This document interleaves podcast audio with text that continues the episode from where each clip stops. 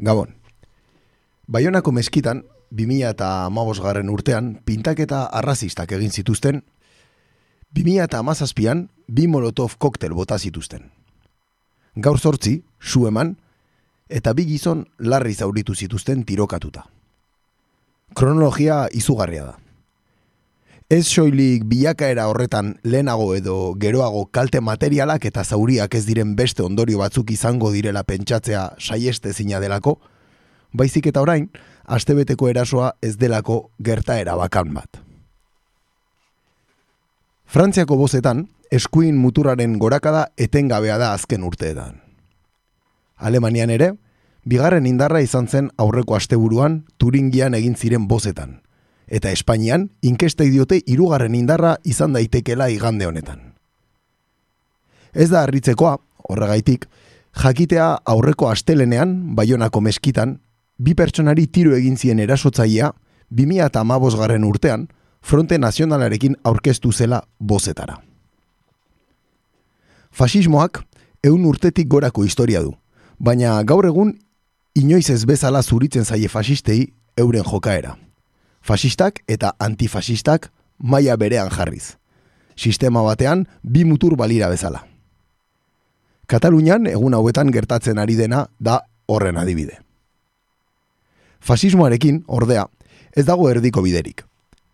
Fasismoaren beste muturrean demokrazia dago. Askatasuna, errespetua, eta bere burua demokratatzat duen edonork antifasistatzat ere izan beharko luke. Hori da modu bakarra Bilbon aurreko asteburuan izan ziren pintaketek 2000 eta amabostean Baionan egindakoek izan duten bilakaera izan ez dezaten. Hori modu bakarra gaur zortzikoak Baionan segi ez dezan izan. Hau idatzi zuen berriako izpideak atalean Jon Ordoñez Garmendia kazetariak. Hemen hasten da gaur egur. Guten Tag, meine Damen und Herren. C'est la lutte contre le terrorisme. Katea ez da eten. Agirre, garaikoetxea, Gaur egur. Gaur egur. Gaur egur. Jolasten eta enredando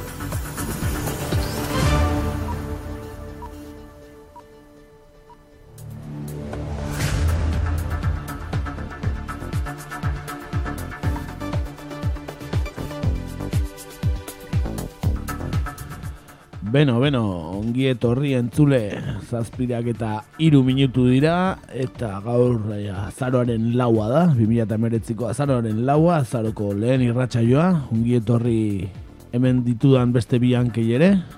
Kaixo gabon. Bai, kaixo gabon guztioi. Hirugarren bat ere etortzekoa da, baina ez dakigu e, mezkitan errezatzen ez duen amaitu edo zer gertatu zaion.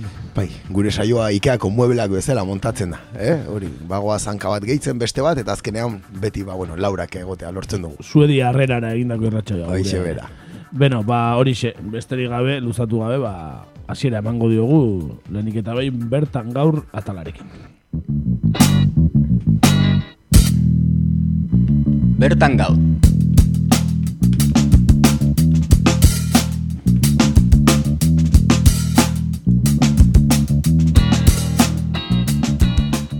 Bueno, editorialean aurreratu bezala, ba, aurreko astean eh, primizian ekarri genuen e, berri bati eutxiko diogurain. Izan ere, baionako ba, meskitaren a, erasoari buruz arituko gara, ezta? Iska gehiago sakonduko dugu erasortan. Ba, honezkero titular nagusitatik atera den arren, ba, notiziak badu bere garrantzia. Ba, Euskal Herrian fede musulmana praktikatzen duten pertsonen aurkako suzko armak erabili dituzten lehen erasoa izan baita. Eta aurrekari arriskutsu bat izateaz gain, islamofoari buruzko debatea mai gainean e, gainera ekarri du ba, beste baina ere. Gora ezagun e, nola jaso ziren gertaerak.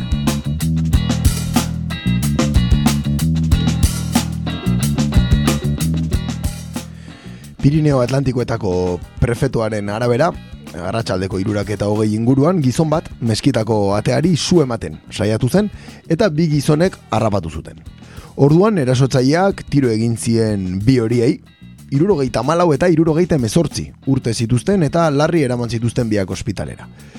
Auto bati ere zu eman zion, erasotzaileak meskitaren ondoan. Frantziako poliziak inguratu egin zuen eraikina eta itxe egin zituen inguruko bideak.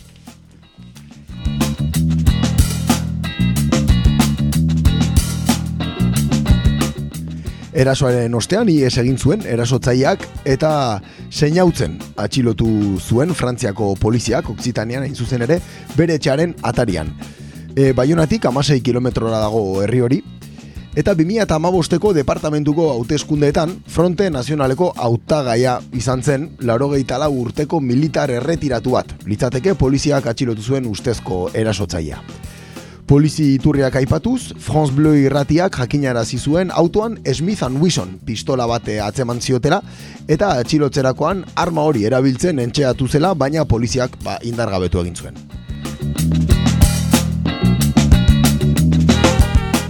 Bueno, pelikula baterako ez dakit, baina korto baterako ematen du, eh, historia honek, eh?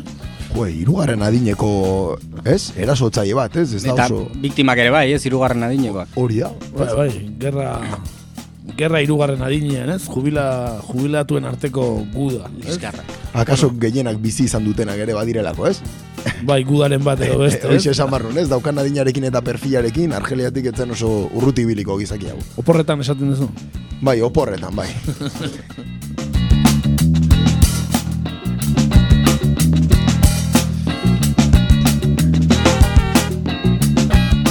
Beno, zorionez ez da biktima pertsonalik izan erasoan, naiz eta erasoa larria izan den bere baitan eta zaurituek ospitalean jarraitzen duten. E, zer gehiago dakigu eraso eta erasotzaile honen inguruan?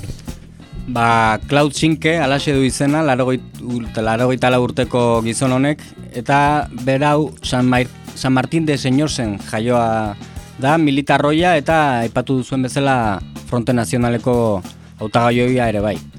Bere jaioteriko alkate orde den Mike Brexonek e, aipatzen du gizona herrian bere gehiagikeria berbalak eta ezaguna dela, eta ez dituela asko gustoko ezkerreko pertsonak, ez da zentrokoak eta eskumakoak ere gutxi, ez? Beraz, pentsa ezakegu ze estilotako pertsona izan daitekeen. Ba, demokrata bat, ez? Bai, Eh, ur, bizitza guztiko demokrata Bat, bat gehiago. Eta polizia aurrean eman zituen deklarazioen arabera, e, meskitari zu ematea zen bere helburua eta ez inorriltzea. Laurriki zauritu dituen bi pertsonak ez baian jartzen badut ere bere errelatu hau, ez? E, biktimak ez sortzeko helburuarekin antza, e, sinkek aurretik bisitatu zuen mezkita, eta e, arratsaldeko errezua baino lehenagoko une hautatu zuen jende gutxiago egongo zelakoan edo.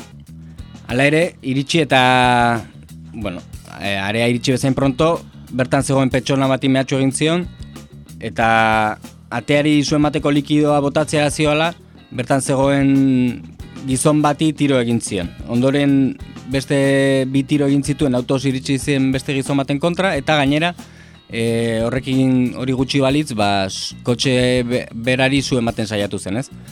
Eskerrak ez zuela biktima egin nahi, eh? Ka- hori Eskerrak, eskerrak. eskerrak, no? Desde luego. Eta hori, e, bar, barruan zegoen pertsona, kotxe barruan zegoen pertsona, ba, bertako lekuko baten bati esker edo ateratzea lortu zuten kotxetik, baina kotxeak iskalita geratu zen, ez? Eta, bueno, e, ikusten duzuenez, ba, inorrez akatzeko neurri zorrotzak hartu zituen, ez? Pertsona honek. Desde luego, desde luego. Ez, badirudi pixkat bideo joku bateko estena bat bezala, eh? Ba, baina, bueno, militarroia dala jakin da, esan nahi bazekien zertan zebilen, ez? Bueno, agian pixka burua galduta dabil, orain, baina ez dakigu, ez?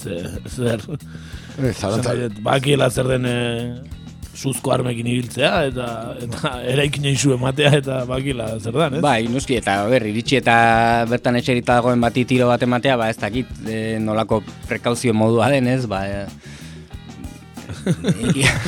Ez que, ez, bai, desde luego, ez dirudi oso, ez, neurri... Aidera tiro ineko zuen igual, Bai. baina Arduratxoa, e, indar gutxi eukiko zuen beso, no? izan liteke irugarren edadeko olako faltan batek edo tiro e, burura tiro egin araztea. ez? Ezan jungo bidegorrian hemen dauzko gimnasia oitako agitera, o, ez? bueno, demagun, demagun dena prestatuta zuela eta eta egin zuena bazekiela, ez? Zertarazi joan, ez? Hola, demagun, ez? Hipotetsi moduan. Bai, baina hala ere, ze, pixkat, e, burutik junda dago igual, ez? O zer, burutik jota igual, o? Bai, ba, laxe dirudi, ez? E, bere mobila eta modus operandiai kaotikoa ikusita, ba, pixka bat pizzatuta gola ematen du, ez? E, Zeitzu dira, bai, arrazoien bat eman du, eh, egindako argudiatzeko, eman du... ba, berak esan zuen, eta hemen ikusten da pixka bat pizzatuta dagoela agian, ez? Bere helburua zela Notre Dameko katedralaren sutea ba, mendekatzea, ez? Izan ere berak uste zuen musulmanak izan zirela horren erantzuleak eta olako irain bat ezin zuen utzi ba ordaini gabe. Ez dakit, eh, Frantzian komunikabideren bate bai da esaten Notre Dame... Ez dakit, musulmanek emantzitela zute Notre Dame edo? Bate, bate, hori lehenengo momentuan irudiak ikusterakoan baten batek airatu zu norbulo hori, ez, atentatu bat izan zara, baina argi gelditu da, baina inork ez du zalantzan jarri, eh, faio baten gatik, ez, eh, errezala, vamos, ez dago Horretan inongo- zeuden eta ez, Jo, baina ez, honek bere konklusio propioak atea zitun. hori da. Klodek. Orduan, Klo sinke hau, e, pixkat, pixkat bastante pizzatuta, ez agian e, edadearen kontua izango da, Bai, behar bada bai, eta, bueno, eduki duen bizitzaren ordaina ere bai, ez, e, izan liteke. Baina, bueno, e, esan dugun bezala katedraleko sutea, ba, bertan zeuden langile batzuen negligentziak edo obretako arazoren bate sortuta izan zen, eta e, musulmaneran erantzukizun hau, ba, nor, gorrotu dituen pertsona baten bere ideia justifikatzeko fantasia deliranteak baino ez, ez lirateke ez. E, gainera, poliziak nola ez proba psikiatrikoak ere burutu dizkio, eta bertatik ateren, atera diren ondorioak ikusita, barkatu, pentsa dezakegu Parisko terrorismoaren aurkako fiskaltzak hartu duen erabakia, hau da, e, oraingoz ez duela bere gain hartuko e, bueno, eraso honen erantzukizuna edo hau investigatzeko erantzukizuna, e, kasua dauzkan implikazioak medio. Hau da, Ez gizona... terrorismoa agian, ez? Ez, e, gizona burutik jota dagoela eta psikiatriko batera bideratuko dute eta, bueno, hori zoro baten zea izan.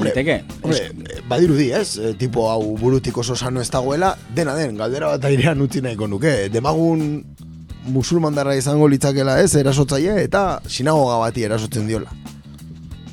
Baita ere erotuta dagoela esango lukete, ez? Edo Parisko fiskaltza antiterroristak luke hartuko kasua bere gain, nire zalantzak ditut. Nik ere bai, guzti. Nire zalantzak ditut, de hecho gertatu izan dira, ez? Bai, eta ez dakigu, e, ba, ez dakit, e, egoera delirante hauek e, orain etorri zaizkion, e, betidanik izan den eskuindarra eta orain etorri zaizkion e, pentsakera o delirio hauek, ez? Edo betidanik izan dituen horrelako delirioak eta betidanik izan den eskuindarra eta violento xamarra edo, ez? E, esan nahi dut, ez dala e, bere bizi osoa lasai-lasai pasaduen langile normal bat e, laro eta lau urtekin orain okurritu zaiola, ez? Badauka bere historia ala, gizonak, ez? Bai, hori dirudi, ez? Alkate ordeak ere esaten zuen ba ezaguna zela herrian, ba pentsa izango da pertsona bat, ba hori. Eskuin muturreko pertsona betianik, ez? Badirudi, ez? Bere perfila ikusita, ez? Bai, bai. Denak gorrotatzen ditu, e, militarroia, oso perfil... eh, vamos, onargarria dauka, ez? Eh, Eskuin muturreko militante bat izateko. eh? Bai, orduan eske ez dakit, eskuin muturreko edozinek erasoak egindakoan ere esaten badu, ez, e, Pitzatuta dagoela. pitzatuta hola, ez, justifikatzen zaio, ez dakit, ez? Hor nun dagoen, e, hortxe ez? Bai, bai, ne- neurgailua nun- zeinek era jartzen duen, ez? Ez dakit. Hortxe galdera, ez? Demagun esker muturrekoa dela eta apaiz bati egiten diola eraso, ez? Eliza batetik irtetzerakoan. Uste deno dakigula zein izango litzaken pixkat bilakaera, ez? Bai, bueno, lehenengo eta behin penitentzia. Oh. Hoixe bera. Bera. Eh, bueno, eh, reakzioak ere izan ditu, ez? Bait batzez ere politika aldetik, ez? Bai, ohiko eh, erreakzioak jaso ditugu, ez? E, Jan Rene Etxegarai Baionako alkateak eta Euskal Hirigune Elkargoaren lehendakaria ere badenak e, gaitzetxe egin ditu noski e, erasoak eta bueno, e, zera zioen bere hitzetan. Et donc euh, euh, aujourd'hui, nous sommes ici à Bayonne sous le choc parce que euh, nous n'avons jamais connu avec la mosquée ou devant la mosquée à la moindre manifestation d'opposition par rapport à l'exercice du culte musulman. D'ailleurs, cette ville est une terre d'accueil, une terre de tolérance et que euh, toutes les religions, puisque nous avons euh, également une synagogue, un temple euh, protestant, toutes les religions ont leur lieu de, culte et peuvent euh, donc euh, euh, se- se- s'exprimer comme elles l'entendent, bien sûr, à l'intérieur de ces lieux de culte.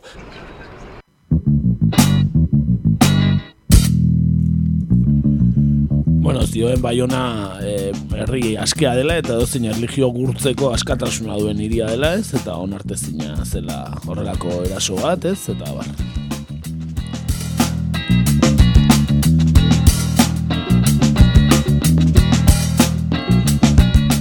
Egon dira, reakzio gehiago ere, pentsatzen dut. Bai, ba, bueno, e, Errepublikako presidente den Emmanuel Macron eta bere gobernukideek ere, bide berdinetik jo dute, esanez, ba hori, e, gaitzesgarria dela olako ekintzak eta Frantziak ez dituela onartzen, ez? E, agian, sorpresa handiagoa izan da agrupazio nazionaleko buru den Marine Le Penek, bere alderdiaren izen aldaketarekin eginiko makillaje kanpainari tiraka, e, gogora ezagun lehen fronte nazionala deitzen zela, orain agrupazio nazionala deitzen dena, eta bere alderdiak onelako ekintzak ez dituela onartzen esan zuela, ez? E, nola bait, egia esateko lekuko batek zioen bezala e, atentatua gai- gaitzesteaz gain, ez? Beharrezkoa da musulmanen kontrako diskurtsoa egiten duten politikariak ere kritikatzea, ez? Eta kasu honetan Marine Le Pen da horren isla garbiena. Nolabait bere deklarazio guztiek horrelako ekintzak xaxatzen dituztelako, ez? Bai, ezakigu zer esango bote luken bere aitak, ez? E, ura ere militarroia, ez? Eta adinez ere... e, Ba, Antzeko, eta pitzadura aldetik ere, uste dut oso, oso urruti ez da bilela, ez? Oso magi. ba, uixe, ez? Magin Lepenek egiten duera da, hori, ba, lehen Frente Nazionala zenaren bertsio deskafeinatua publikoki saldu, baina azken finean bere oinarri soziala eta dituzten militanteak, bueno, betikoak dira, ez? Hor ez dago zalantzarik, bozketan ikusten da, ez? Bueno, batzuk gehiago ere, bai, ez? Pixkanaka, ez? Ba, Dirudienez. baita ere, ez? Belaunaldi berri hoiek, Azeria artilez jantzita, ez? Dirudienez, ez? Bai, ai, gogoratu behar da aitaren kontrare egin zuela, ez? Marine Le Penek, e, go, go, bueno, bere irudi berri emateko saiakera honetan, eta antza nahiko ondo joan zaio ikusita bozetan zenbat jendek bozkatzen duen, ez? Orain Bai, zoritxarrez. baina- Baita ere aprobetsatu du, ez? Agian Europa osoan e, gailentzen ari den e, eskuin muturreko olatu hau, ez? Beak ere. Ez da, bueno, aspalditik datorren alderdi baden, ez? Frente Nazionala.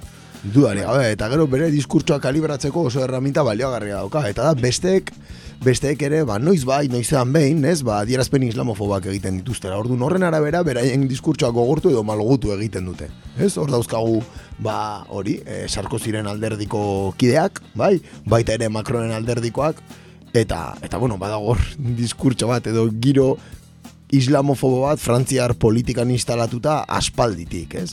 Bai, orduan esan daiteke naiz eta, bale, agian erosiko diogu pitzatuta dagoenaren bertsioa, ez? E, gizon honi, baina, bueno, atzean dagoena, ba, kanpaina islamofobo baten, ba, isla da, ez? Bai, e, gogoratu behar dugu, aipatu dugun bezala, ez dela Baionako meskita jasaten duen lehen erasoa. E, 2008an pintak eta rasistak egin zituzten, Charlie Hebdo aldizkariaren aurkako erasoaren ostean, eta 2008an bi Molotov koktel jaurti zituzten meskita barura, ez? E, badakigu orokorrean islamofobia gora doan fenomeno bat dela eta bereziki Frantzian, ez? Non, bueno, azken urteetan hamarkadan ba, atentatu gari bizi izan dituzten eta bere iragana dela medio, ez? E, Argeliako zean eta abar, ba, e, populazio musulman garrantzitsua daukan eta, bueno, ara, lehen mailako arazo bat dela dirudi Frantzian, ez? Bai, izan dituen kolonietatik, ez? E, etorri diren pertsonak, ez? Gehien bat. Bai, eta dagoeneko bi edo hiru generazioetatik ja frantsesak direnak. Claro, dugu bai, bai. ahaztu, ez? E, nazionalia frantsesa dutela, bertan jaiotakoak direla, eta eta bueno, milioika pertsonataz ari gara, eta eta horrek sortu arazo handi bat pertsona gehienak, ez? Musulmandarrak e, ba, ez dutelako estatuaren aldetik proiekturik jaso beraien integraziorako. Hau da, auzo txiroenetan e, konfesioka begiratzen denean, ez? Zein den soziologia auzo horietan, ba konturatzen zea gehiengoa musulmana ala. E, lan esklusioan, ez? E, lan esklusioan arazoak dituzten gehiengoa ere, ba musulmandarra da. Ez da, ez da kasualidade bat, ez? E, Mohamed deitzen den pertsona batek, ba Jean Paul deitzen den pertsona batek, baino arazo askoz gehiago ikiko ditura lan bat lortzeko adibidez, ez? Ba, bai, argi dago, hori. Bueno, eske agian e, Europan ez dakit e, nola izangoan proportzioa, baina musulman gehien dituen herrialde izango Frantzia agian. E, proportzioan, proportzioan ez detuzte. Proportzioan, bai? Demagun eh, hor adibide bat jartzearen, badaude herrialde batzuk, Norvegia kasu, bai? e, bere poblazioaren euneko hogeita zeia, hogeita zazpia atzerritarra daukana. Eta atzerritarren hoien proportzio handi bat, musulman darra da. Orduan horregatik esaten dut portzentaietan begiratuta agian ez da horrela. Baina zenbaki absolutuetan behar bada bai, ez? Bai, segurazki, ez? Turkiarekin, oza, barkatu, eh, Alemaniarekin batera. Ez?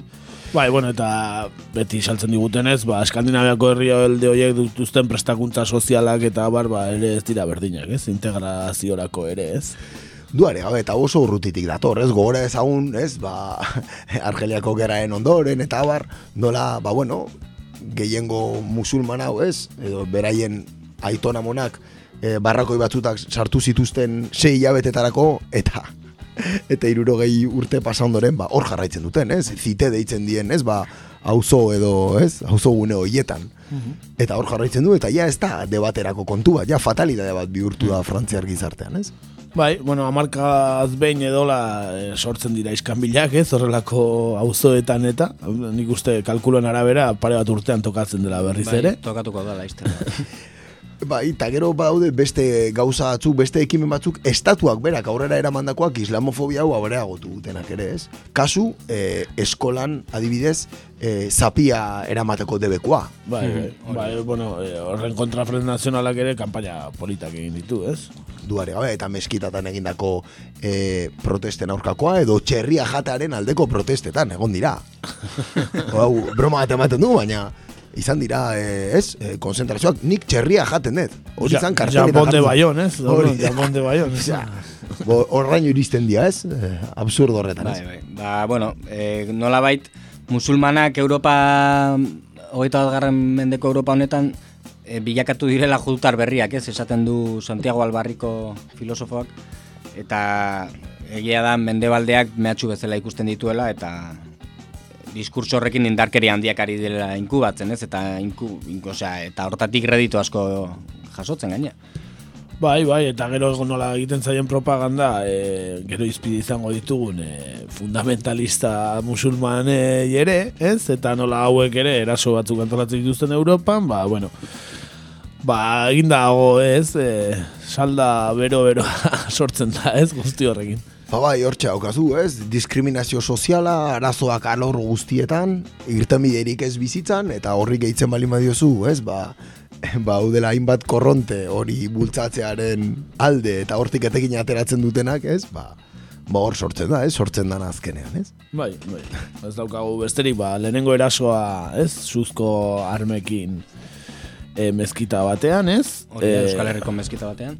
ez da gertatu ez da ere alderantziz ez, musulman e, integristek ere ez dute erasorik egin Euskal Herrian, ez, dakigunez. Ez? Beraz, bueno, bueno, baitetik hasi da eta ez, da, ez dira musulmanak hasi Euskal Herrian, esan ez dagun, eh? Beste arraza zuriko integristak hasi dira, ez, erasoekin. Bueno, eh, hemendik eh, ba, ongi etorria musulman komunitate guztiari eta eta bueno, entzun gaitzatela albo, nahi badute behintzat. Hoxe bera. Guazen nazioartera eta berriz ere musulmanetik musulmanera joango gara, ez da?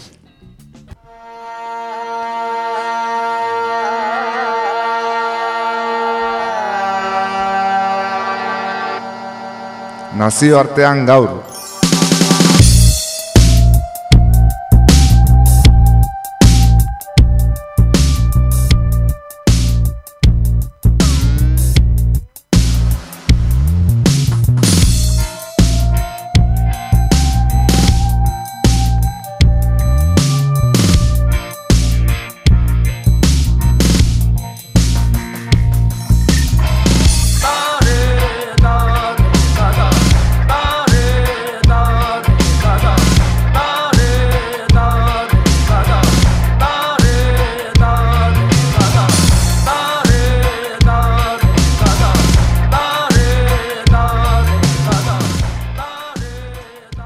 Gaurkoan nazioartean burrumba sortu duen berri bati eutxiko diogu.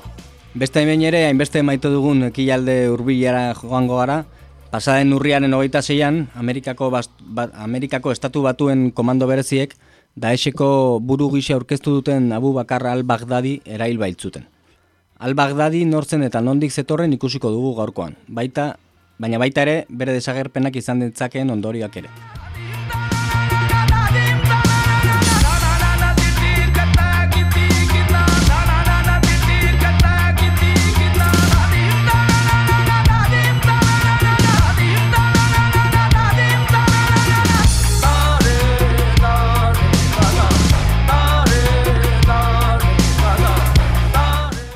Siria iparraldeko Idilip provintzian antzeman zuten Abu Bakar al-Baghdadi, Daesheko burua, Turkiako mugatik oso gertu, hain dela gutxi izpide izan genuen Turkiako muga hori. E, Armada Estatu Batuarreko indar bereziek urrian hogeta seien gauan egin zuten operazio militar batean atzeman zuten Abu Bakar al-Baghdadi eta Donald Trump eh, Amerikako Estatuetako presidenteak zuaz- zehaztu zuenez atzo gauean Amerikako Estatu Batuek justizia egin zuten munduko lehen buruzagi terroristarekin adierazi zuen Trumpek bere izkera karakteristikoan e, haren esanetan Daesheko liderrak soinean zeraman lehergai gerrikoa leherrarazi zuen bere burua tunel itxu batean harrapatu iku, harrapatuta ikusi zuenean, ezta? Lasterketan bere hiru seme ere hil zituen.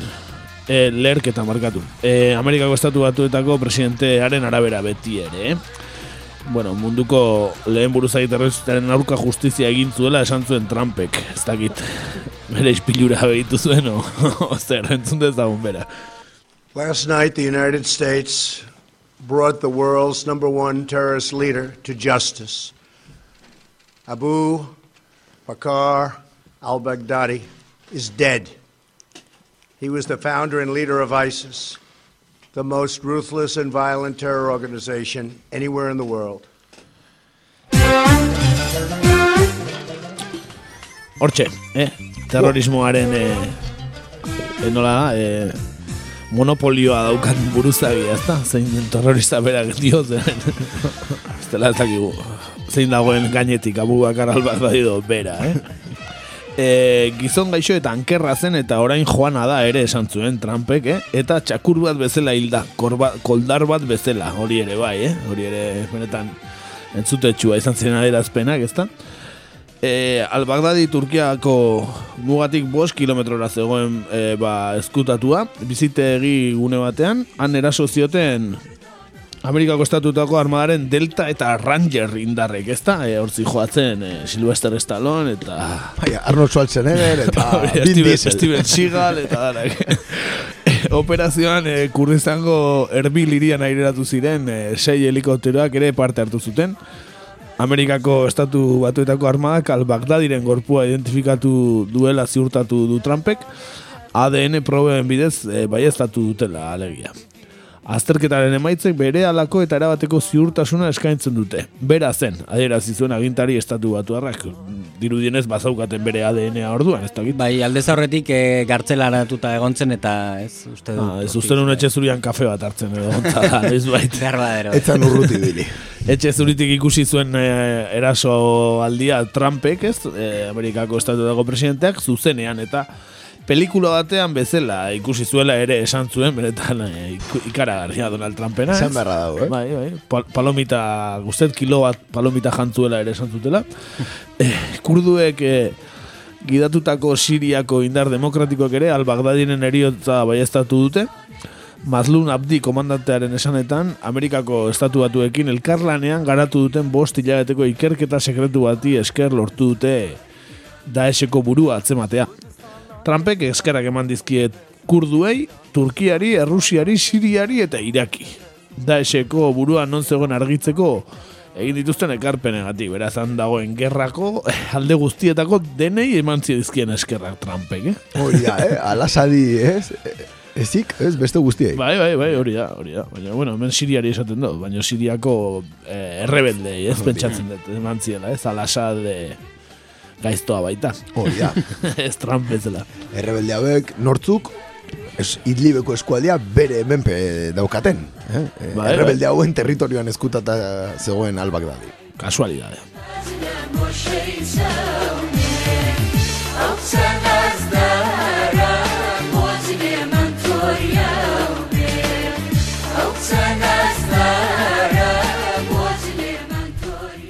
Bueno, eta al-Baghdadi hobeto ezagutzeko asmoz edo nolakoak izan ziren zein izan da bere bilbidea edo zeintzuk izan dira bere lehen urteak, nondik datorkigu al-Baghdadi Ba, bueno, hau?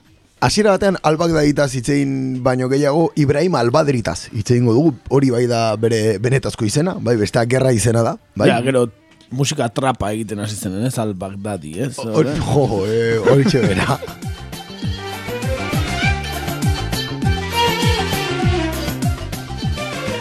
Esan dakoa, bai, beraz oixe. Ibrahim Albadri Samarran jaio zen da Bagdaden iparraldean, egun kilometrotara dagoen e, hiri batean, eta irurogeita maikakoa zan, bai, e, familia sunita txiro batean jaiotakoa, mm, oso familia humil batean, e, gutxiengo sunitako parte zan beraz, bai, e, Sam Hussein, eh, bere garaian ba, izan zen bezala, eta e, bere batxillergoa ateratzean, bai, ba, gurasoekin Bagdadeko periferiara, bai, e, alde egin zuten, e, topji deitutako ba, beste auzo txiro batera, bai, sunita maioriakoa edo. Mm E, bere ikasketen ingurun, bai, esan barra dago matematikatan excepzionala omen zara, bai, e, Ibrahim Albadri, e, bere selektibidadean eunetik laro geita emezortzi erantzun zuzen eman zituelako, baina e, hizkuntzatan oso eskasa omen zen. Bai, eta horrek ate pilo bat e, itxi zizkion, ba, bere, bere ikasketak unibertsitatean egite, egite aldera edo.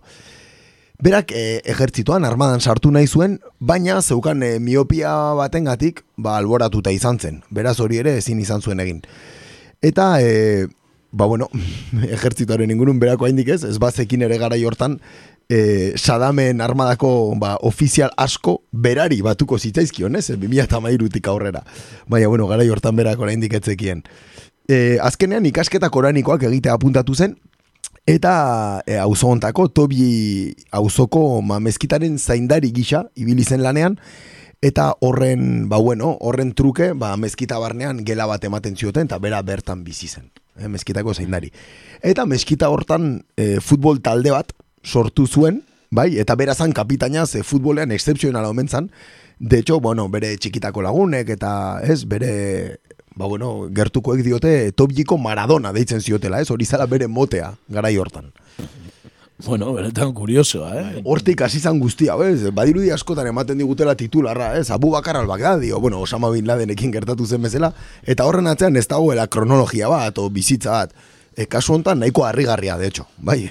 Bai, bueno, nahiko auzo txiroan jaiotakoa, eta, bueno, ikasketeatan edo, bueno, gauza batzutarako oso buru argikoa, ez, dirudienez? Desde luego, bai, oso pertsona e, trebea, bai ikasketetarako, eta batez ere esan dakoa arlo zientifikoan. Ez? Bai, eta baloiarekin tiro paraboliko egiten ere, bai, ez dirudienez? Bai, de hecho, Maradona ez, ba, bueno, mote horrek e, bere bizitzan zehar, e, ba, bueno, akompainatuko ziola esango genuke. Bai, bai, bai, bai, bai, bai, eh, oso ona mentzan futbolen eta eta fama hori zeukan, bai. Da, danerako ematen du, eh, Diego Armando Maradona, eh? Jo, bai, imaginau, eh, donaino iritsi zan.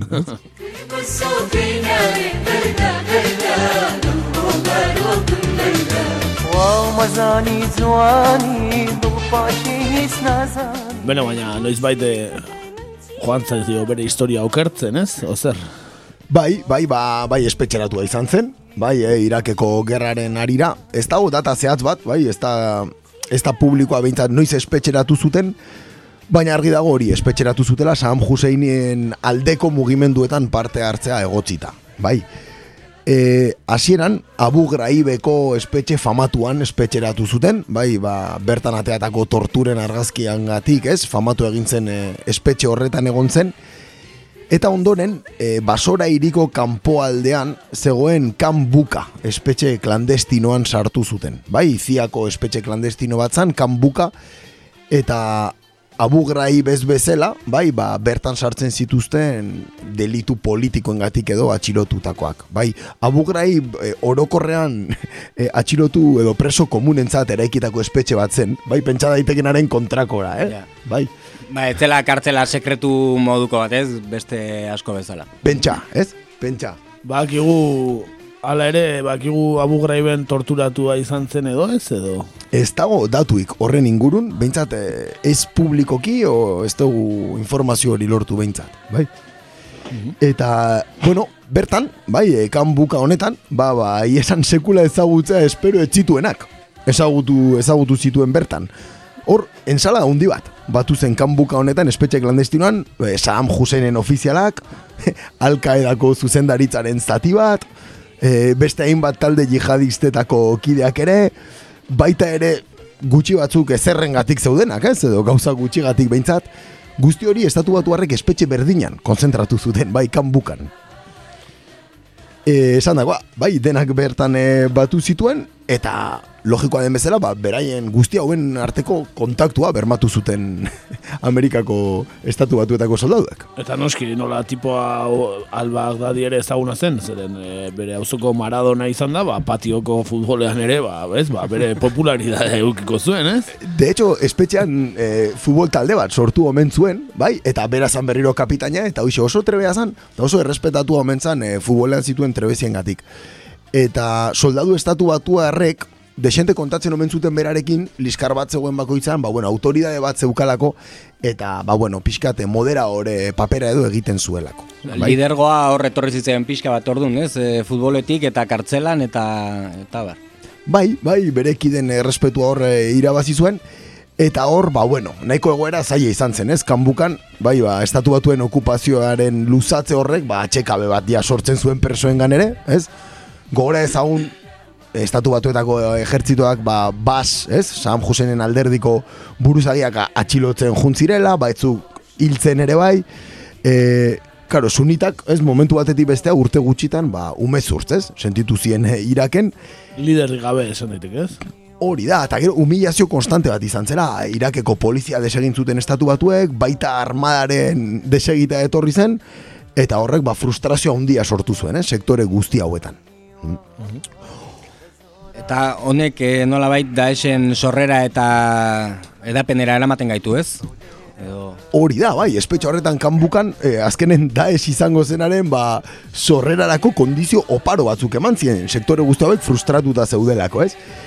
Dena batzen zan bertan, zegoen ideologoen teoria, bai, bestalde batetik, Saddam Husseinen armadako kuadroen, ez? Ba, jakintza militarrak, e, baita hainbat tala, talde salafistatako kideen, ba, bueno, klandestinitatearen inguruan zituzten jakintzak, eta guzti hori espetxe horretan batu zen. Beraz, daeseko embrioia izan zela bertan eh, esan dezakegu, bai? La, laboratorioa egin zieten antxe gartzelan, ez? Dana junta zuten, ez? E, Beraien muturra aurrean, esan, esan barra dago, bai. Eta esan dakoa, bueno, e, kasu hontan, e, Abu Bakar al-Baghdadi 2008ko abenduan aske gelditzen da, bai, aske gelditzen da, kanbukatik ateratzen dute. lauean. Hori da, Oen dala urte, ja. hori da, bai, aske gelditzen da. Eta hor, e, badago puntu klabe bat, eta da 2006an, estatu batuek, e, Abu Musab al-Zarkawi hiltzen dutela. Bai, Abu Musab al-Zarkawi da Irakeko alkaedako buruzagia, saltzen dute operazioa, ez? Esaten dute, ba bueno, nola akatu duten, ez? Enemigo publiko numero uno hori, ez? Bai, eh, elas de, ez, elas de trebol, ozertan, elas de pikas. Bere karta propia uste ez zeukala, ez? San Huseineko, ja, San Huseinen gobernuko kidekin batera.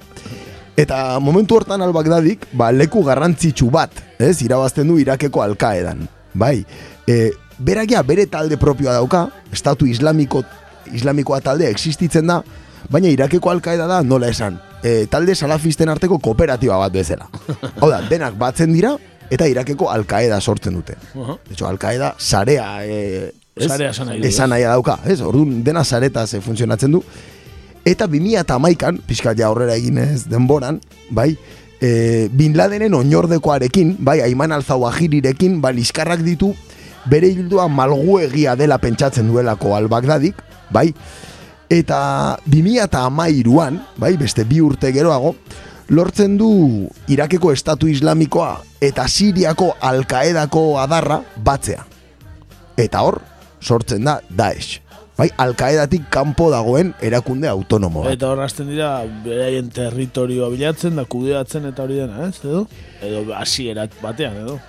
Karo, batuketa honek, ez, Irakeko, ez, estatu islamikoa eta Siriako alkaeden artekoak bilatzen duena da kalifato transnazional bat sortzea. Bai, hau da, bi herrialdetan edatukoen kalifato hori sortzea. Bai, gogoratu behar dugu ere, 2008an Sirian protestak hasi zirela, ez, Udaberria Arabia honen hildora, gerraren hasiera suposatu zutenak, eta e, alasaden aurkako oposiziotik ere, ba, hori, jendea kaptatzen doa al-Baghdadi, baita armadako desertoreak ere.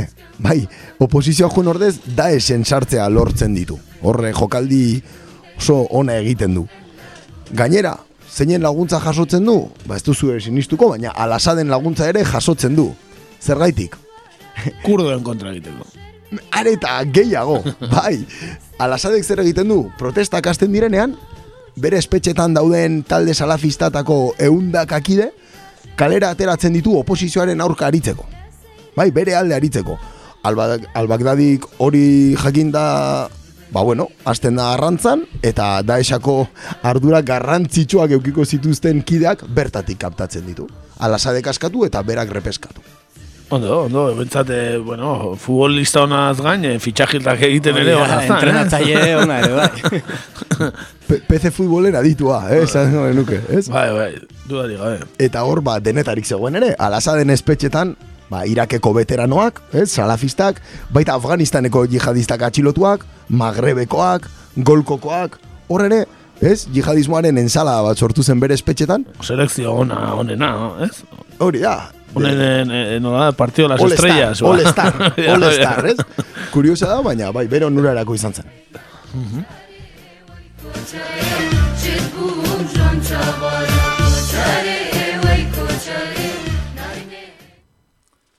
Bai, eta orduan, azten da kalifatoaren kontua edo zer.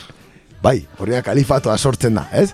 Bai, 2000 eta malaban, ba, Mosuleko alnuri meskitan, e, Abu Bakar al-Bagdadik, bere burua, ba, Irak eta Levanteko Estatu Islamikoaren kalifa bezala izendatzen du, eta hor jarriko genuke Estatu Islamikoaren, ez? E, hasierako momentua, esate bateako, kalifatoa sortzen da momentu hortan. Momentu hortan Mosulen, bai, al-Bagdadik ondo daki hori, e, babes handia dauka, berak planteatzen duen ideiak, e, zergaitik ba hortxe daudelako oraindik baseko kideoiak, baita tribu ezberdinak daudelako, talde armatu diferentek daudelako, eta guztiak, ba, bueno, bere ideiekin gutxi gora bera bat datozelako. Pentsa ze babes zuen, al-Bagdadi Mosul konkistatzeko, mila bosteun soldadu bidaltzen dituela, bertan zeuden laro gehi mila militarren aurka egiteko. Eta, eta hoxe, ba, behar izan zituen lau egun, bai, Mosul hartzeko, pentsa izan deitu izan diote Blitzkrieg jihadista, ez? Mugimentu horri. Lau egunetan bertako biztanleen ba bueno, babesarekin lortu zuelako Mosul bezalako hiri bat hartzea. Bai, Irakeko garrantzitsuenetako bat dena, ez? Hori da, bai, Irakeko hiri garrantzitsuenetako bat lortzen du eta eta hor zer egiten du? Ba, claro, Irakeko ejertzitoaren material guztia Daesentzate hartzen du, baita ere komunikazioak, bueno, zerbitzu, estatuaren zerbitzu guztiak bere gain hartzen ditu Daesek. Eta hor Bai. sortzen da hasieran ja kalifatoa, ez? Bai, bera, eta gober, beraien gobernua duket, ez? Zerbitzu guztiekin. Claro, claro, beraien hacienda propioarekin, beraien eskolarekin, beraien lan kodigoarekin, eta noski, sharia islamikoa aplikatzen duen sistema judizial batekin. Eta esan dako hor, beraien ez, ba, makinaria propagandistikoa martxan jartzen dute, ez, ba, konkistaren ideia hori zahaltzeko munduan zehar, ez, horrea, ez, azpigarren mendeko konkista islamiarrekin, ez, alderatzen dute bertan egiten ari direna, eta eta horrek, ba, bueno, adepto asko sortzen ditu, ez, munduan zehar daki moduan. Noski.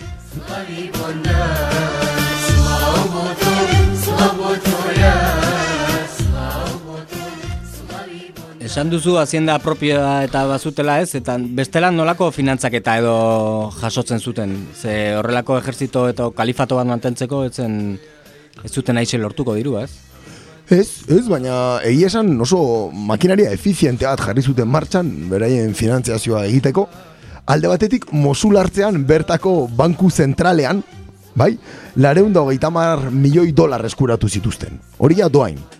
Ondo, ondo, interesi gabe gaine, eh? Interesi gabe, desde luego, sartu eta eta hoixe rekuperau zuten. Gero, petrolio kontrabandoa, ba bueno, hasi zuten, ez? Bertako findegietatik petrolioa ekoizten jarraitu zutelako, hori beste iturri bat izan zen, baita esan dagoa, ez? Hiritarrei ezarritako zergak, ez? Ba, benefizioa suposatzen zutelako, eta gero amaitzeko ba, antigüedaden trafikoarekin ere hasi zielako.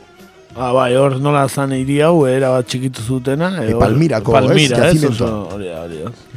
bertatik ere, ba, badirudi diru asko egin zutela, ez? E, datu bat ematearen 2000 eta mabosterako kalifatoak e, zituen diru iturriak 2000 milioi dolarretan estimatzen ziren. Bai, hau da, sarrera etengabe bat, bai, 2000 milioi dolarreko kaja eukitza, ba, bueno, egiten zuena edo. Oda, ze finantziazioa, eh? Pentsa, ez? Eta horrek ekarri zuen, ba, gero mundu guztian ezaguna intzan, ez? Ba, egin zituzten ekintzak, ez? Eta gaina nolako propaganda egite zuten, ez? Benetan, ze bideoak eta nolako, ez? Kont propaganda aparato ona zaukaten, bai, eh? Desde luego, ez, eta hor dago pixkat eh, Abu Bakar al-Baghdadiren diferentzia, ez? Eh, Osama Bin Ladenekin, ez? Gu oituta genden Al-Qaedako bideoak telebistan ikustea, ez? Oso kalidade txarrekoak. Kobazulo batean, eh? Kobazulo batean. Egia da gero ere estetika kopiatu dutela, ez? Beti hitz egiterakoan Kalashnikova alde batean, ez? Koraneko bersikuloren bat atzean, horrelako gauzekin. Baina bai, diferentzia nagusia dago, hauek jihadismo, noa, lau puntu zeroa edo asmatu zutela, Bai, ez? bai, benetan bideoak eh, oso landuak, eh? Afekto espezialekin, eta bar, bueno. Ez? Biktima baino afekto gehiagorekin, desde luego, hori... bai, bai, hori seguro. Esan dago, ez gero, a ber, hemendik aurrerakoa ja denek dakigu, ez? Denok dakigu basakeriak, ez? Egindako guztiak, ez? Handela, txiten sarraskiak filmatzen zituzten eta gero pelikulak egiteko, e, hemen komentautako noiz baitez, jazidi poblazioaren aurkako hilketa masibo hoiek, ez? Nala, kurdoak salbatu zituzten jazidi hauek, ez? Eriotza ziur batetik. Kristauen deportazioak hasi ziren, emakumen trafikoa ere beste diru iturri bat sortu, ez? Sortu zuten horrekin, esklabutza sexuala, bortxaketa masiboa gertatu ziren, e, umeak ere erabili izan dituzte gerarako, ez? Bai, kamikaze moduan edo borrero moduan, inkluso, ez? Bideotan. E, ez dakite, ez nez gogoratzen, uste dut, kazetari japones baten, ez? E, Erailketa batean edo. hori da, ume batek eh, degoiatzen zuen, ez? Kazetaria, ez? Horrelakoak egitea iritsi dira, ez? Estatu islamikoan. E, dekapitazioak publikoak eh, bihurtu ziren, e, ondara, ez? Ondare kulturala ere suntxitzen joan ziren, ba, bueno, hoxe, ez? Dakigun ba, barbaria de guzti horiek, ez? Hala ere beti esan da etzi da behi bakarrik, ez? Edo bere sorreran ere laguntza, kanpo laguntza izan dutela, ez? Bai, bai, irudi hasiera baten, bai, e, golfoko, ba, bueno, estatuen aldetik nahiko patrozinio potentea lortu zutela ekonomikoki. Bai, Emiratoak, Saudi Arabia, Qatar, baina gauza aurrera zijoan einean, ba, beraien interesetarako ere desestabilizazio hori ez omen zala oso, ez? Oso egonkorra, oso erakargarria, ez? Hori da, eta grifoa moztu zutela.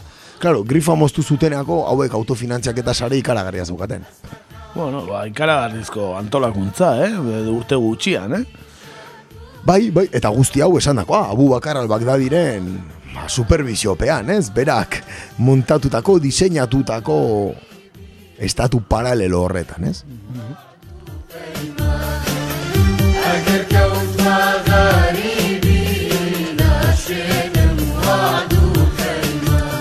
Eta mendik aurrera zer, ez? E, islamismo integristeneko Maradona hil bat zaigu, orain zer mesirik badator, edo... Ba, behitxu, hemen, badago, ez? Hemerotekan Maradonari buruz irakurtzen dugun bezala, ez? Ba, salafismoaren munduan al-Baghdadi iraz irakurriko dute. Bai, hor dago bere, bere ondarea, ez? Esate bateako. Ba, alde batetik propaganda mailan, ez? Komentatu duguna. Baina baita ere, eta nik uste dut lorpen importantena hor dagoela, berak sortu du do it yourself, ez? Wahabismo hori, ez? Islamismo hori, edo norrek egin dezakena, edo zein lekutan, edo zein momentutan. Ez? Hartzazu matxete bat eta hilitzazu hiru infidel kaletik, ez? Nik uste dut lorpen nagusia hori dala, ez? Lorpena deitu badio dekegu, ja, ez beraien parametrotan, noski, Bai, bai. Eh, beti ere, ez? E, gero egia da ere, hor sortu duela ere presidente bat, eta da kalifatuaren presidentea, ez? Ze bere garaian, Afganistanen, ez? Ba, Osama Bin Laden edo Al-Qaedako kideak hartu zituztenean, talibanen gonbidatuak ziren. Eta berak lortu beste pauso bat gehiago ematea. Dala, kalifato bat sortzea, sariaren eta islam wahabitaren oinarriekin, eta hori hor gelditzen da, badago presidente bat etorkizunerako, ez? Hori existitu da. Bai, herrialde bat e, zerotik eraiki dezaketela, ez? Horrelako taldeek. Noski baietz, ez? Eta, eta ondorengoentzat gelditzen den ondare hori, ez? E, Siriako eta Irakeko gizartetan ja txertatuta dago, ez? Ideologia hori. Ez da bakarrik Daesekin edo al-Baghdadirekin amaitzea. Alere, olako egoera errepikatzea ere zaila izango da, ez? Horrelako Irak deusestu batean e, juntatzea, ba, ba, izugarrizko hezkuntza militarra zeukaten jendearekin, eta Sirian berdin, eta abar, bueno, ez da beti gertatuko, ez? Hombre, hor kondizio oso oparoak, ez? Eman zien, ez? E, iraganean, baina ere konturatu gara, ez? Kontu, konturatu beharrean gaude, naiz eta kalifatua desegin den ofizialki, diruak hor jarraitzen duela. Ez? Baita beraien formazioa duten kideak, baita hartu, ez, jaso duten esperientzia guzti hori, bizirik dagoela, ez? Horrek existitzen du oraindik, orduan, bueno.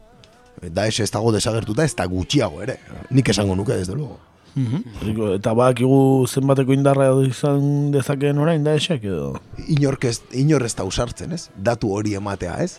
Kalifatua desegin dugu, zenbat gelditzen dira. Zenbat, ba, segurazki amarnaka, amarnaka mila geldituko dira, ez? Eta nun, nun digano? ba, beraien zonaldeak dituzte, oraindik Sirian badaude zonalde txiki batzuk, bai, Daeshen kontrolpean daudenak, e, baita ere Iraken, eta ondoren desegindako hiri hoietan oraindik gelditzen dalako jende hori. Hau da, e, baseko, ez, kide hoiak, eta lehen komentatutako talde armatuetako kideak ere hor jarraitzen dute, eh? Noski, eta kultura guztiak eta barrez hor hori desegitea ez da, ez da pertsona atera hiltzea bezain jarraz. Eta Claro. sortu duten material guztia ere, ba, bueno, mundu guztian indira ezagunak eta jarraitzaileak ere izan ditzakete mundu guztian zehar, ez? Zeren eh, badakigu jendeare kanpotikan joan izan dela ge beraien gerra santu hartara, ez? Bai, hitz egiten ari, ari gara jende askotaz. Amarnaka mila pertsona juntziren eh, leku askotatik. Ba, bai. Ia, ia mundu osotik, ez? Esango genuke Magrebetik, Europatik, e, Indonesiaraino, eh? Jendea junda, ez? Kalifatua defendatzera, ez? Gerra santu horretan parte hartzea. Hori errealidade bat da, ez? Eta batez ere hori errepikatzea arren, oixe, do it yourself jihadismoarena, ez? Zure etxean egin dezakezu. Hartu aizkora bat eta kauzazu kaletik ikusiko dituzun lehenengo bin fidelak, eta punto, ez? Bai, bai, ikusiko dugu, honek, eh, ze bilakaera izaten duen, ez? E, lider bat, ba, irudi, e, bueno, e, Trumpek esan du bezala justiziatu dutela, baina, bueno, jende gehiago izango dute, ez? Do, do it yourselfa martxan baldin badago, lider handirik ere ez da behar, ez? Ba ez, behar bada ez da behar, baina bueno, beti onuragarria da, ez lidergo bat egotea horrelako, bueno, nolabait, onespena emango dizun norbait, ez? Zurekin burututa gero. Bai. Duare gabe, ala ere beraiek ondo dakite ez, eh, Abu Bakar al-Baghdadi ez da Osama Bin Laden izan. Bai, oso presentzia mediatiko eskasa eukidu. Oso gutxitan atera da. Eh, De hecho, telebistan konturatuko zinaten beti meskita hortako irudia ematen dutela. Zeuzketen irudi gehiago. Ez dago gehiago, eta hiru urte pasa zituen inungo komunikaziorik eh, atera gabe. Grabazio bat kaleratu zuen ondoren, eta beste bideoren bat, orain dela gutxi. Baina hor egon da bere presentzia mediatikoa, ez? Bai, ez du beharrik izan bere aurpegia emateko, jakiteko, ez? Eta eukitzeko eukiduten oi hartzuna, ez? E, bestelako, nola esan dugu bezala, bestelako bideo nahiko landuak egin dituzten eta bar, ba, ez du, liderrak ez du aurpegia eman beharrik izan, ez? Hor dana antolatzeko. Hori da, ez, ez da egon Bin Ladenekin egon zen personifikazio hori, ez? Bueno, ba, jarraituko dugu kontu hau ere, ez da? Berriz ere, ba, irudi bi astez baineki alde urbilera goazela, así que urrengoan ere ikusiko dugu, ea, ze gertatzen den. Bai, azken aldin abonatuta gaude esan, ez da? Bueno, ba hori, bukatzeko aipatu eh, Trumpen hitzak berriro ere, ez? Nola eh, txakur bat bezala eta koldar bat bezala hil den esaten du, ez? E, bueno, ez dakit egoera berdinean Trumpek zer egingo luken, eh? Supermanen kapa atera, o ez dakit, ez? nola, nola aurre egingo tezion jendeari, ez? Ah, Kapitan Amerikaren eskudo hau etako ziren. Ba, hori da. Ikusi, ikusteko izango zan, bea, atzetik, eh, dronak eta militarrak dituela, ea, zeingo lukeen, ez? Donald Trumpek, gure superheroiak. Bueno, abestitxo bat ekarri dugu, ez? E, sekzioa amaitzeko. Bai, bai, Defcon 2 abesti bat ekarri dugu, ez dirudi oso orientala, ez, hasiera batean. Bai, bueno, bere garaian islamak eh, bere begipuntuen izan zuen idazle bati buruz, ez? Bai, Salman Rusdiren inguruko, ez, eh, abesti bat kaleratu zuten, orain dela urte da. Eta bueno, ba, hoxe, ba, omenaldi bat ematean Bai. gure buruari. Aipatzatik bintzat esaldi bat, esaten duna, si han asesinado al presidente Saddam por comer pinchos morunos en el, en el mes del Ramadán, ez da? ya está, horrekin esan dago. Hortxe gelditzen da guztia, ez? Hortxe. Venga, hortxe ba, Defcon 2 eta Salman Rushdie.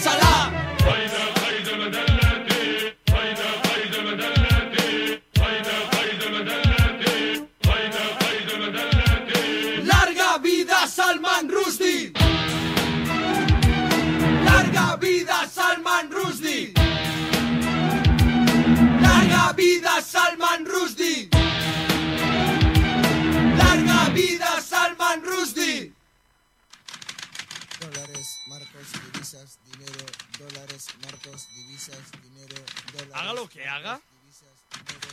Haga lo que haga. Haga lo que haga, vaya siempre a Leturiaga. Gaurko egunez.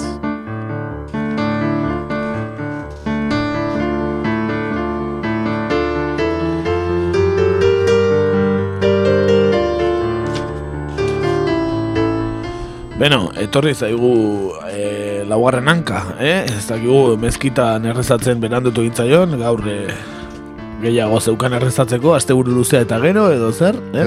Ez, zailtasuna jarri dizkidate estudiora iristeko hori da bena. Ah, bai. E, boikot edo komplot saio bat, izan Ah. da, nire ustez. Zertzegoen poliziaren, Gure- eh, Gure Wistonen antzera, bai. poliziaren checkpointa zegoen? Ezin da dena kontatu hemen.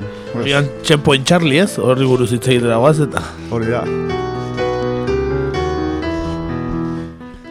Beno, ba, gaurkoan Alemaniara joango gera, Berlinera hain zuzen ere, aste honetan, hogeita urte beteko baitira, arresia erori, zen- erori zenetik.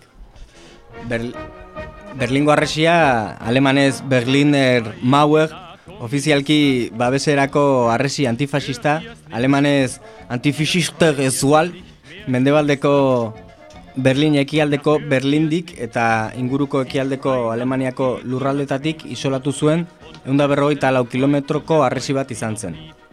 Mila behatzieron da batetik, mila behatzieron da larogeita bederatzira existitu zen. Azaroaren beratzi arte, hain zuzen ere.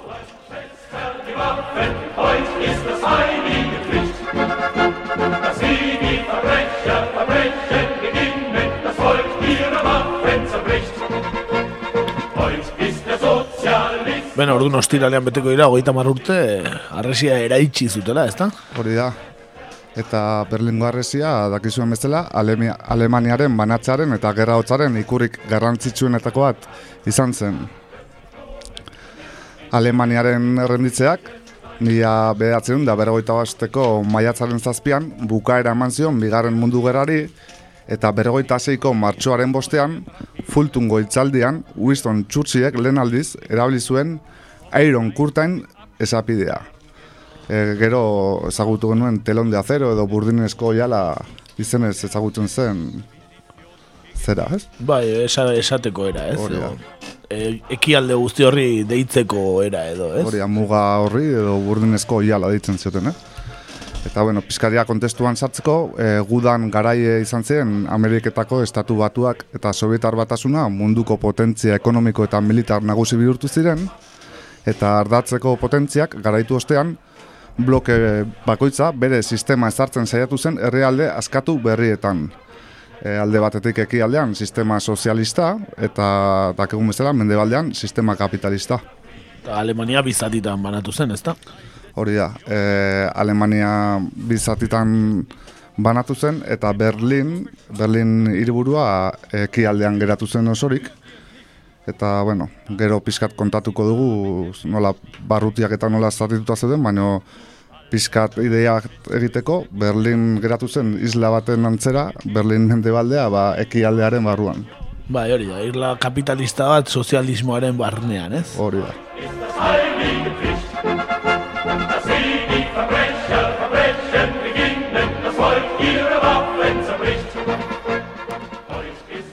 Eta ja, e, azkar asko azale- azaleratu, azaleratu zen Alemanian gerra hotza eta bi potentzien arteko norgeiakoaren lekuko bihurtu zen lurraldea, dakizuen bezala, eta Alemania eta Berlin lau sektoretan banatu zituzten Amerikako estatu batuek. E, alde batetik e, sektore Amerikarra, e, sektore Britainiarra, sektore Frantziarra, horre- horrek osatzen zuten e, mendebaldea, eta bestaldetik e, sektore Sovietarra. Ekialdeko e, ekialdean ge- gertatzen zen, geratzen zen sektorea. Mhm. E, hori Berlinen, eh? Bai, bai. E, Sovietar zatia zen nabarmen handiena eta hiriko ekialdeko zati oso hartzen zuen bere gain. E, Friedrichshain, Kobenik, Lichtenberg, Mittepango, Prenzlauer Berg, Treptow eta Wimbens. Bai, bai, benetan Berlinen egon direnek ezagutuko dituzten auzoa batzu behintzat, ez? Preslauer eta Friedrichshain, da, ni behintzat egon nago eta ezagu, ezagutzen diren e, auzo bastante zaunak eta orain oso turistikoa direnak, ez? Hori da. Alexander Platz eta beste horiek garen... Hori ere, hori zentroan, ja, bai, mite eta hori, ez da? Hori da. Eta eta mila bederatzen da berrogeita zazpigarren urtean, e, lehen irurek beren kontrol eremuak ekonomikoki, ekonomikoki batu, eta mila bederatzen da berrogeita zortzian, Alemaniako Errepublika Federala sortu zen. E, hau da, Fr e, Frantziak, Ingalaterrak eta Estatu Batuek bultzatuta, eta demokrazia parlamentarioa eta liberalismo ekonomikoa ba, bidiratu zuten bertara. E, alde bakarreko dibizia reforma ere gauzatu zuten, balio handiagoko markoa jaurti zuten, eta sovietar eremekuaren eremek, eremukoaren aldean, ba, ja, desoreka bat sortu zuen, eh? Marko berri horrek.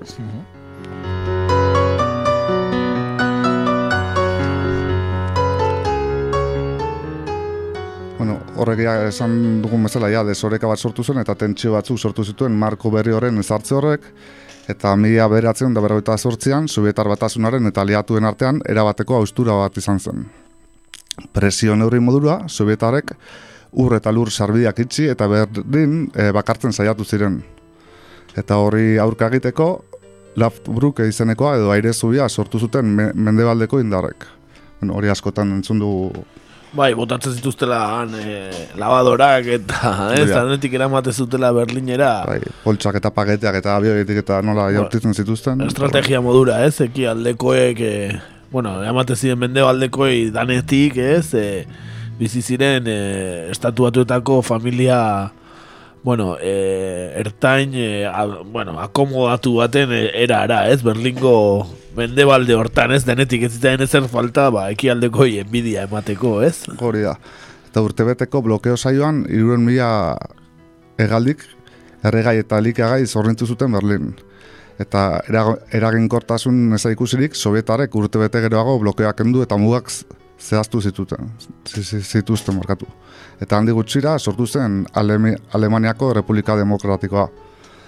Alemaniako muga ekialde eta mende, mendebaldearen arteko banaketa lerroa zen, eta sektoren arteko mugak zabalik beste aldera igarotzeko bide bakarra zen Berlin. Ba hori ez, pizkate ko- kontestuan sartzeko, ja Alemania ja zatituta zegoen, baina bandikan Berlin esan daiteke, ba, e, desberdin zela ez, ez zegoen e, Berlin dana ekialde barruan zegoen, baina e, Berlin mendebaldea eta ekialdearen artean ez zegoen mugarik, ez zegoen muga fizikorik. Eh? Bai, bai. Eta mila beratzen da berrogeita mabiko udaberetik aurrera, ja, txarrantzarekin zendutu zuten muga, ez? Ja, ziziren ja pizkat muga fizikoa ezartzen. Arresiaren lehenengo, ez, lehenengo da. zatia edo, bueno. Arri, arriri gabeko arresia, ez lehenik eta behin. Hori da, eta mila beratzen da bergoita mabi, eta mila beratzen da irugaita bat artean, e, esan bezala txarrantxarekin e, muga markatu zuten, baina jendea errez pasa ziteken alde batetik bestera. Adibidez, bai jendea lanera alde batera joten zen, bueno, e, esan daiteke normal zirkulatzen zutela alde batetik bestera, ez? Baina, irurogeita bateko abuztuaren amabitik amairurako gauean arrezio osoa ere ekitzen hasi zen, hasi zen e, ekialdeko Alemania, fasisten aurkako babes arresi bezala argudiatuz. Aurrena, arantzadun alambre bat jarri zuten, baina berehala benetako arresi bat altza zen, honek iria fizikoki banatu zuen mendebaldeko Berlin inguratzen zuenez, mendebaldeko sektoreak, lehen esan bezala, irla bat bideakatu ziren Alemaniako Republika Demokratikoan.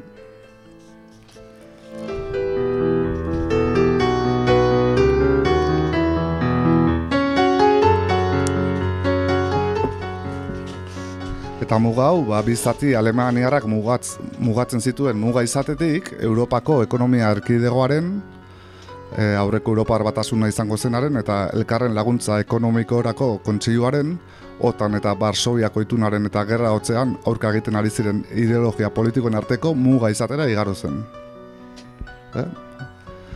Gero, aipatu dugun bezala, e, bueno, gero mila behatzen da irugaita batean, izan zen tentsio e, une e, gorenena, ezakite buruan daukezuen o irudi hori daukezuen nola checkpoint Charlin kontrol pasabidean e, tankeak aurrez aurre jarri ziren, e, bai tanke sovietarrak eta estatu batuarrak eta funtzionario eta militarrek Berlin osoan libre mugitzeko eskubidearen gaineko akordio aurratu zuten eh, hainbat soldadu, ez? Bai eh, Amerikar eta bai beste, ez? Eta, bueno, eh, amasei orduko tentsioaren ostean, tankeak erretiratu egin zituzten. Ondoren, mila behatzen da irugaita iruan, eh, Kennedyk Berlin bizitatu eta gutxira, Alemaniako Errepublika Demokratikoa eta Alemaniako Errepublika Federalaren arteko lehen igarotze baimena sinatu zuten. Hori aia hasi ziren pasaporteak eta onartzen, ez? Ja jauzi bat egingo dugu irurogeita marrekoa markadara, eta mila behatzen da irurogeita marrean, mendebaldeko eta egialdeko Alemaniaren urbiliketa bat gertatu zen, bertan Billy Brandt kantzierrak Alemaniako Republika Demokratikoa bizitatu zuen, eta urteetako isiltasunak bide eman zion elkarrizketari. Bi, bi aldeek merkataritza harreman komplexu bat eratu zuten, kantzierrak ost politik edo ekialdeko politika ditu ziren, eta Alemaniako ekialdeko, osea barkatu, Alemaniako Republika Demokratikoak Polonia eta Sovietar batasunarekin harremanak hobetzeko ba, bide egin zuen. E, ja, gure garaietara urbilduz, mila bederatzen da largoita zazpian, Mikhail Gorbatsofek, e, go, Mikhail Gorbatsofen gobernuak perestroikoko erreformak e, zarri zituen, perestroika izenez ezagutzen diren reformak, eta sistema komunista berrantolatzea zuten helburu bere, bere hitzetan, ez? Komunismoa mantendu alizateko erreformak ziren Gorbatxofen iritziz. Urte berean, agintari sovietarra gogoan, ba, Ronald Reaganek bizita egin zuen Berlinen, eta zera esan zuen, ez? E, beste esaldi famatura, Gorbatxof, Gorbatxof jauna, bota zazu hau. Eta gero bota zuten ez, bueno, berez eh, herritarrak hasi omen ziren, ez? Hori eh, da, botatzeko nahietan, baina Fede honez, ez? Esaten duten ez? bai, bai. Perestroika ere fede honez egingo zuen Gorbatxofek. Hoxe bera, ez?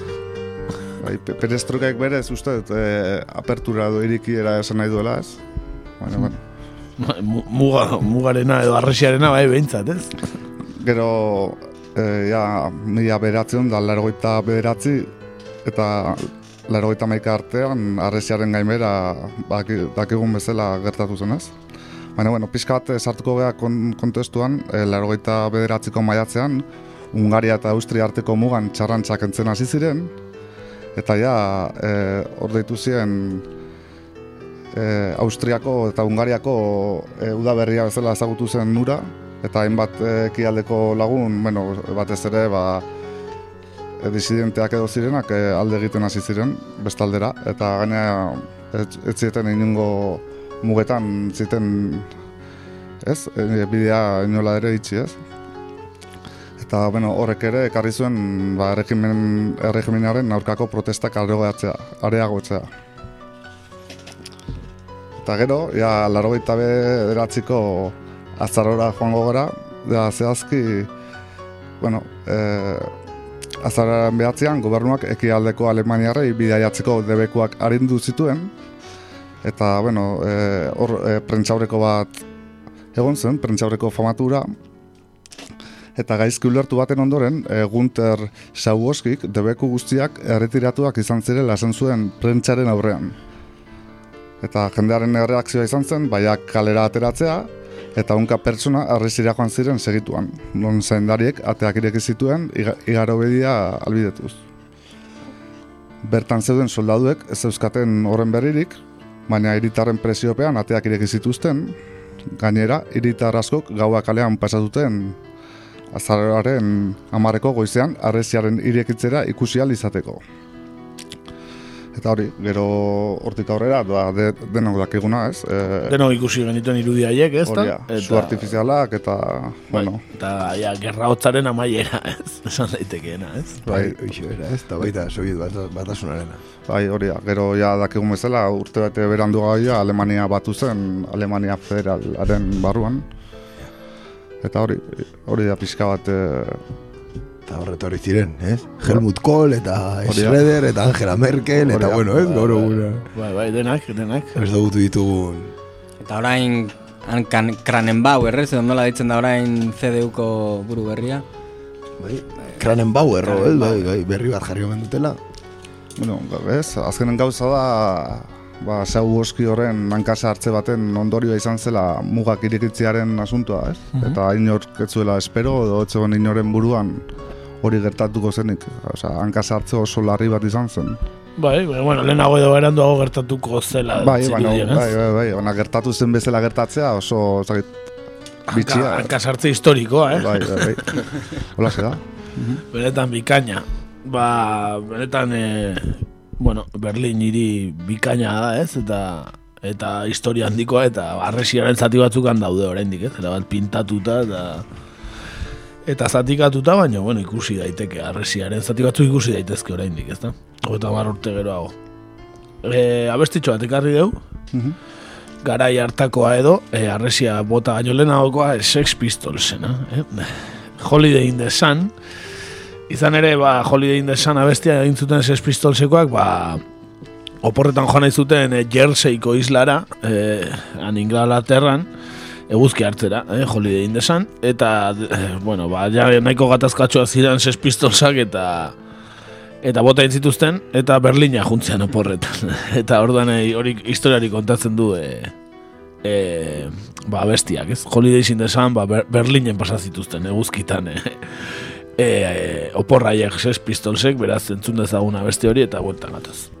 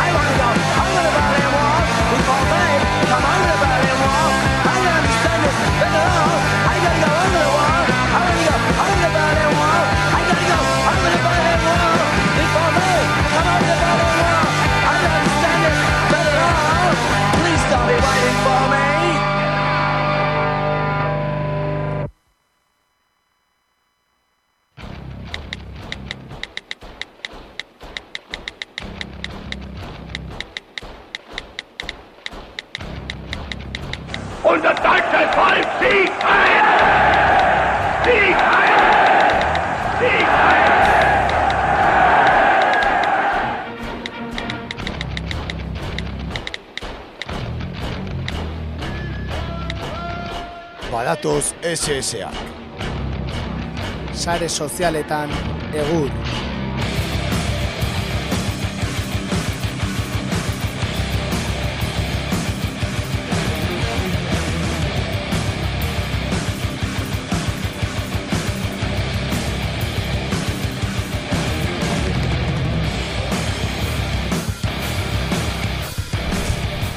Bueno, gaurko egun hontan, ba, sare sozialetan, ba, lehenik eta behin e, Twitter galdera zabalduko dugu.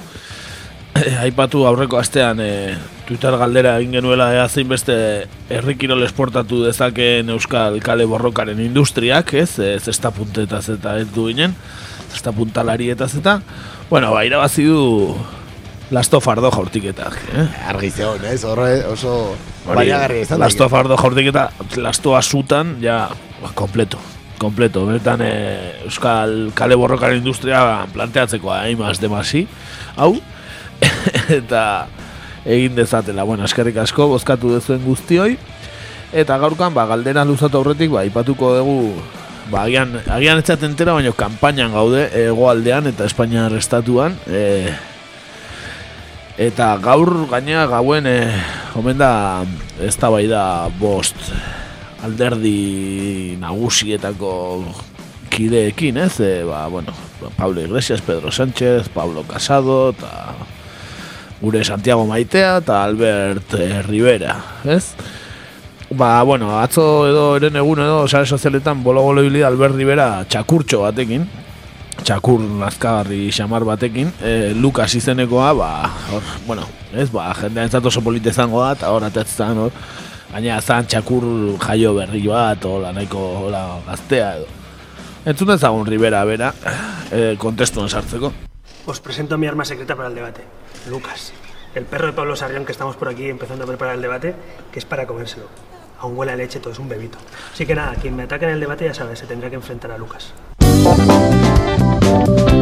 A ver, aún huele a leche, eh? Eso Segura, Albert. Oh, yeah. Kontuz Albertekin, eh? Bestela Lucas. Ba, Lucas egin, eh? Bazpare, nik ez daukate intentziorik ikusteko gorko ez da bai da, baina, bueno, txakurtz zikin hori ate bat baldin bada, agian, igual, telebista jarri beharko dugu, eh? Eh... Txakur bat Riverarekin agertuko, eh? Hori da, hori da, hori da. Rivera eta txakurra, eh? Eta, es, bueno, polita, eh? Pareja. Eh, bueno, honek ekarri guztalantza bat, ba, ea, Espainiako presidentetarako Euskal Herritarra hautagai bakarra, ez? E, Euskal Herritarra bera, gure Santiago Abascal, maitea, ba, ea, zein den bere maskota gogokoena, edo, ez? Zalantza etorri zaigu. Edo, agian ere debatera eramango du gaur, edo, ez? Ez dakigu, baina, bueno, ea, zein ote den ba, bere maskota favoritoa, ez? E, guri lau, lau aukera dutu zaizkigu, baina edo zein erantzun dezakezu ezuek, entzuleok. Guri dutu zaigu, ba, Santiagoren zalditxuria, ez? Benetan, e, nahiko azuku atera diona, lehenago ere bideotan da agertu izan da, ez? Santiago kanpeatzaia. Hori da, hori da. E, edo legioko hauntza, ez? Benetan, e, gogoko izan Ba. dezake baita ere. ojo, eh? Edo Arrano Imperiala, ez? Espainiako banderako, ez? Arrano Beltz Imperial hori. Edo Osborneren zezena, baita Espainiaren, e, ez? Ikur nagusietako bat, ez da? Aukera zaila aste honetan, eh? Bai, benetan, benetan. Bueno, bihale egingo dugu galdera eta ba, erantzun nahi dezuena, e, entzuleok. Gaina linkatu indegu Santiago Askal galderan, así que... A ber, iriste zaion, agian beak ere erantzungo du, eta orduan e, bere bozkak gehiago balioko du, ez? Ea bere azinen favorita galdetzen dugu. Baina, bueno, hortxe agera iriste zaion Santiago Askal berduerari. Eta, ba, ea, zuei zerbitzu zaizuen, zein izango den e, bere favoritoa. Hori zen gaurko galdera eta erantzuteko erantzunen zain geratzen gera.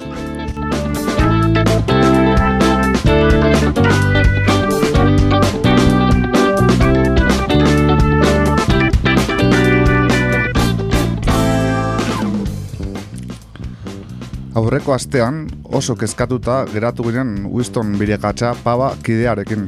Aipatu genuen bezala, ezagun egin diren mehatxuak John Rojas Cabrerak Winston prentsaureko batetik bota ondoren gertatu zirelako.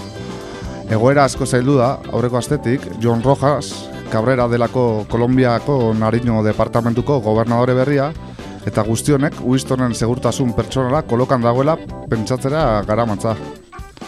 Zuek ere entzuleok gehiago jakin nahi dezuelakoan John Rojas Cabrera norden azaltzen saiatuko gera. Soy John Rojas, aspirante a la gobernación del departamento de Nariño. Quiero ser el gobernador del emprendimiento, apoyando las nuevas generaciones, a nuestros jóvenes. Quiero consolidar la paz en nuestro territorio, que en Nariño reine la tranquilidad. Ba, guizto mirakatxarentzat ez, ezta? No reina la tranquilidad. Bueno, John, Roja, John Alexander Rojas Cabrera, buesako herrian jaio zen, mila batzen da irureta mabiko abenduaren amalauean, eh? Santa Luzi ja, resakarekin ez, urreko gunean. Berrogeita zazpi urte beteko dituen ditu datorren hilean, orduan, abendu, abenduan, Robert Rojas eta Cecilia Cabreren semea da, eta Maritza Monkaiorekin ezkondua eta bi alaben aita, Valeria eta Isabela. Hori dena jakin dugu, John Rojas Cabrerari buruz. Nekazari familiakoa da, jatorria zarro dago eta bere esanetan gizartearen aldeko langile nekaezina da. Bere aita Robert Rojas e, Kolombiak bizi duen gatazka armatuaren ondorioz hiltzen gainera, ezta? Eta horrek ba, asko eragin dio e, John Rojas, y entzun dezagun bere aitari buruz izketan. Había acompañado a mi padre en sus actividades eh, políticas en mi municipio, en Buesaco, un líder social comunitario que aspiró dos veces a la alcaldía de Huesaco por elección popular. En la tercera, como todos hemos vivido este gran drama, pues fue mm, desaparecido, pues eh, tuvo una, digamos, un desenlace fatal, fue asesinado y, y, eso nos dio para seguir adelante, esperar un tiempo y volver. Y hoy como víctima de la violencia, trabajando muy fuerte porque se consolide los procesos de paz, la implementación de los, del proceso de paz, especialmente que beneficia al departamento de Nariño.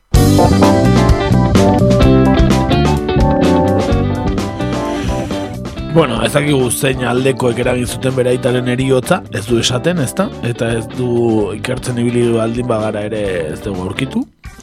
Baina bakigu Jon Rojas Cabrera ba, violentzia guztien aurka egotera bultzatu zuela, ez? Egoera honek, edo ekintza honek. Eta Farkekin ba, lortutako bakordio, bake akordioak ontzat eman zituela bere egunean, entzun dezagun eh, akordio ez dizketan ere. Fundamental para Colombia, para lograr la paz y en especial para el departamento de Nariño. Vamos a lograr la paz, ser el gobernador de la paz como víctima de la violencia. La verdad me da una tranquilidad grande de poder ya tener esa paz que necesitan nuestros hijos, que nuevas generaciones puedan construir la paz. Ala ere, aipatu behar da, azken honetan, bolo-bolo ibili dela ba, Rojasek sortutako minariño koalizioa Álvaro Uribe finantzatua izendaren zurmurroa, orduan ez dakigu zaldetako zen bere aita, baina, bueno, bera, badirudi, bakigula zaldetako izan daitekeen, ez? A, Álvaro Uribe berak ere ez du bere babesa ematen, baina, bueno, aipatzen du, entzun dezagun Uribe bera. Que decomisen el narcotráfico, que eviten que se siga distribuyendo droga que envenena nuestra juventud. Unos compañeros han apoyado al doctor Damir, otros compañeros al doctor Rojas. Batzuk al doctor Damir, batzuk al doctor Rojas. Para parar con el narcotráfico, esaten du Álvaro Uribe. Que benetan txiste bikaina, eh? Zio ze badaki, eh? Zertaz ari den badaki. Bai, bai, txiste bikaina Álvaro Uriberena, eh? Para parar el narcotráfico que droga a nuestros jóvenes, que envenena a nuestros jóvenes. Bueno, ba ez da, hemen geratzen, eh? E, izan ere John Rojas Cabrera e, Berner Zambranoren oinordeko politikoa da. Eta Berner Zambrano ba, bere transfugismoagatik ezaguna da. E, Juan Manuel Santosen aldekoa izan da beti. E, Berner Zambrano baina honek Farkekin bakeakordioa sinatutakoan ba, Álvaro Uriberen ingurura gerturatu zen. Eta John Rojas da honen oinordeko beraz Nik uste argitzen nahi dela, ez, aldetakoa izan diteken John Rojas Cabrera, ez? Eta ez tapakearen alde dagoela esan, ba, ez dakigu, egia ote den E, ala ere beak esaten du, ez dagoela Uriberekin, entzun dezagun. Las campañas en su desespero están creando también un rumor que en la campaña nuestra está apoyada por el senador Álvaro Uribe. He sido categórico en manifestar. No estamos ni con Uribe ni con Santrich. Nosotros nuestra propuesta es independiente.